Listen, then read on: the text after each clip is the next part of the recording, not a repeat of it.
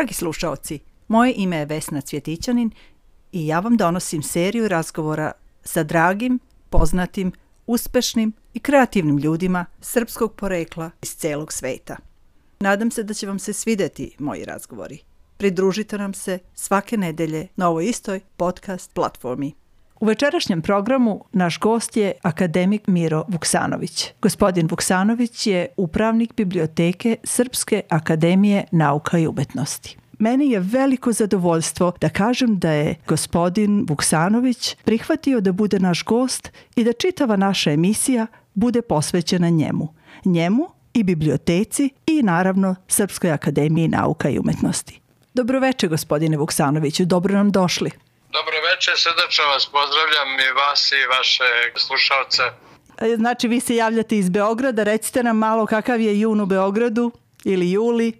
Pa vrlo dramatičan zato što su ovde bile neke burne padavine i poplave i međutim danas je lepo mirno i sada se smiruje ono što je pre dva dana bilo poremećeno. Ja bih žela da vas zamolim da nam se na početku naše emisije predstavite da nam kažete gde ste rođeni i kada, recite nam malo o svojoj porodici, kada ste napustili rodno mesto i zašto, i možda onda pređemo na neko drugo pitanje. A za sada recite nam malo o sebi. Kada čovjek govori o sebi, onda obično kreće od početka, pa tako ću učiniti ja.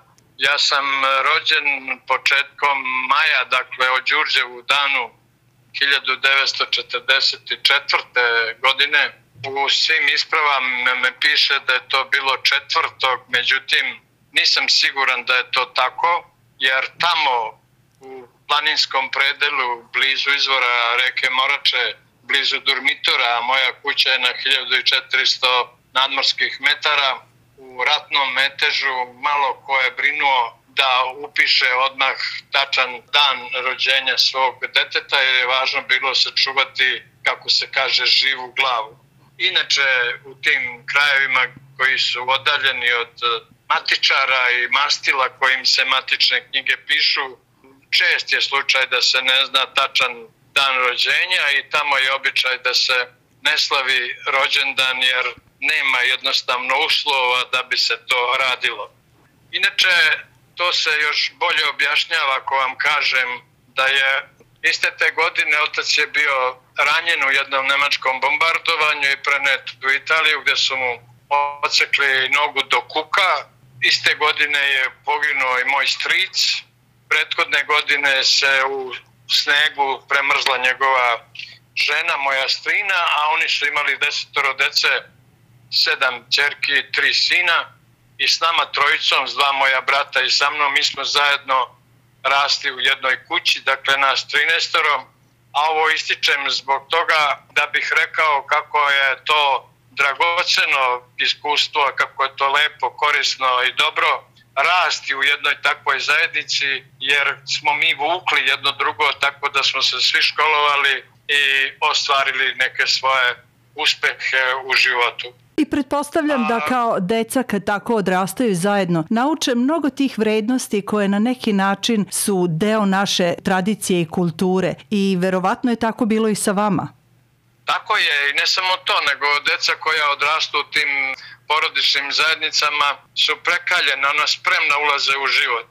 Nije isto kada se podiže jedinče u kući i kada, se, kada čovek raste u jednoj takvoj jednoj takvoj brojnoj porodici. To, to je poznato da, da se tako dešava, međutim danas smo u drugim prilikama i ja eto sa zadovoljstvom ističem da sam tako počeo, da sam tako krenuo u život. Ja sam tamo počeo da učim osnovnu školu, mi smo imali u svom selu, razume se, e, školu osnovanu, već ona je bila stara tada 100 godina, kod jednog svog rođaka koji je bio učitelj bio sam dobar đak, onda su me dali da učim nižu gimnaziju, to je jedno 6 km daleko od kuće, tu sam išao peške svakodnevno, završio sam i onda po pravilu, kao što kažem, onaj ko je odličan ima pravo da ide dalje, najčešće u gimnaziju i ja sam otišao u Nikšićku gimnaziju, to se tada zvala Viša realna gimnazija i to sam završio takođe sa odličnim uspehom i počeo sam da studiram najpre elektrotehniku u Beogradu, to je tada bilo popularno, ja sam bio poznat kao matematičar, ali video sam da to nije za mene, pisao sam na, na filološki fakultet i diplomirao 69. jugoslovensku i opštu književnost i onda odmah počeo da radim jer nisam baš imao neke uslove, naročite u toku školovanja i studiranja i onda sam po konkursu otišao u Sombor, počeo da radim kao profesor. Srećna je bilo okolnost da dođem u taj grad gde ranije nisam bio, ali sam razume se znao i za Lazu Kostića, Veljka Petrovića, Konjovića, sve one ljude koji su obeležili to divno mesto i tamo sam onda malo radio kao profesor, ali sam najviše bio upravnik gradske biblioteke i uređivao sam tamošnji časopis, ediciju knjiga, bio organizator književnog kulturnog života i to je jedan lepi period, odatle sam otišao za upravnika biblioteke Matice Srpske u Novom Sadu. E pa tu moram... sam radio sve do penzije. E tu moram da vam kažem Izvolite. da je tu moje srce zaigralo zbog toga što naravno ja sam iz Sombora i naravno, meni je... Naravno, razumem. Ali to je bilo sasvim razumem. slučajno. Ja jesam čula za vaše ime i dok smo mi išli u, u školu, eto tu sad neke malo generacijske razlike da. se, se otkrivaju, ali mi smo znali ko je bio upravnik biblioteke, a to ste bili vi naravno. I vi ste bili jedni od ljudi koji su naši nastavnici pominjali i govorili da uvek imaju osobu kojoj mogu da se obrate i koja će i nama i njima široko otvoriti vrata naše književne i sadašnjosti i budućnosti. I znači to vas je onda povelo u Novi Sad. To je ona, to je ona lepa biblioteka u kojoj ste vi imali svoje pesničko veče, ti 15 linija misli. To je kuća u kojoj sam ja bio 13 godina. A, divno, divno. Pa čuli ste i za to. Hvala, hvala. Da, da. da. Dragi slušalci, samo da vas podsjetim, u našem programu gost je akademik Miro Vuksanović. Gospodin Vuksanović nam je rekao o svom detinstvu i odrastanju i o svojim prvim studentskim danima i radnim danima, a sada bih voljela, gospodine Vuksanoviću, da vas pitam, kada ste počeli da pišete? Bilo mi je vrlo interesantno da čujem da ste vi prvo počeli elektrotehniku da studirate, ali naravno srce i um vas je zvalo pisanju. Recite nam o tom delu svoga života i svoje istorije kao u stvari ostala od tada pa do danas. Pa ja sam počeo da pišem još kao gimnazijalac s obzirom da sam iz takve porodice, kako sam rekao, morao sam da se izdržavam tako što sam davao časove mlađima od sebe pa i svojim vršnjacima. Međutim, to svakako nije bilo dovoljno, a tada je bio običaj da sve što se objavi u listovima i časopisima da bude nagrađeno, da se zato dobija honorar. Ja sam onda počeo da pišem dopise, tekstove, da objavljujem u Nikšiću, u Podgorici, u Beogradu i to je bila meni važna potpora da mogu da nešto obilazim ili negde odem ili malo možda i putujem, nešto kupim za sebe i to je dakle pisanje po potrebi. Tako sam počeo i kao, tako sam radio i kao student, međutim prvi put sam ja shvatio da je moje opredeljenje da budem pisac kada je raspisan konkurs, jedan veliki konkurs politike za pripovetku to je bilo 75. godine i na taj konkurs gde su radovi išli pod šifrom, dakle anonimno, stiglo je dve i po hiljade priča iz tadašnje Jugoslavije i ja sam dobio za svoju pripovetku Sin treću nagradu. Tada sam ja razumeo da ono o čemu ja razmišljam i ono što bi mogao da saopštim, da jeste put kojim treba dalje da idem ja sad to znam da je bio trenutak, tačno pamtim i kao jedan svečani početak. Ja sam onda napisao svoju prvu knjigu koja je objavljena u Matici Srpskoj i znam kad sam u čitaonici Somborske biblioteke otvorio koverati tu knjigu i video svoje ime na koricama. To je bio jedan trenutak koji se ne zaboravlja i onda sam se setio kako sam kao dete kao gimnazijalac išao pored štampari uveče da slušam kako mašine okreću onaj list gde je neki moj tekstić zamišljajući kako će nekad moje ime biti umnoženo i čitano na velikom prostoru. To je znači zaista bio jedan san koji se pretvorio u stvarnost za vas. Tako je, tako je. I onda sam eto do danas objavio sam 22 knjige. To su romani, pripovetke, imam dve knjige poema, eseji, e, zapisi. Sad mi je nedavno izašla jedna knjiga zapisa, druga knjiga u stvari naslovom Danonoćnik. To su ne kao što je radio Andrić znakove pored puta, su neki usputni zapisi različite teme koje ja obično radim leti u onoj kući gde sam rođen i odlazim i tamo ću biti e, ovog meseca, ali svaki pisac ima svoje pripremne knjige, ima svoje, rekao bih, uzgredne, svoje pomoćne knjige, ima svoje središne, svoje glavne knjige. To tako s namerom, nego oni koje knjige ocenjuju ili čitaju proglase neke njegove knjige da su mu glavne. Moje, dakle, glavne knjige su romani e, Semolj Gora, Semolj Zemlja, Semolj Ljudi. To su sve azbučni romani. Zapravo, jedan šumoviti geografski predeo tamo gde sam ja rođen koji je prerastao u metaforu. Kao što tamo raste gora, Četinarska i Bukova, tako u mojim tim romanima rastu reči, a o tim rečima se ispredaju priče.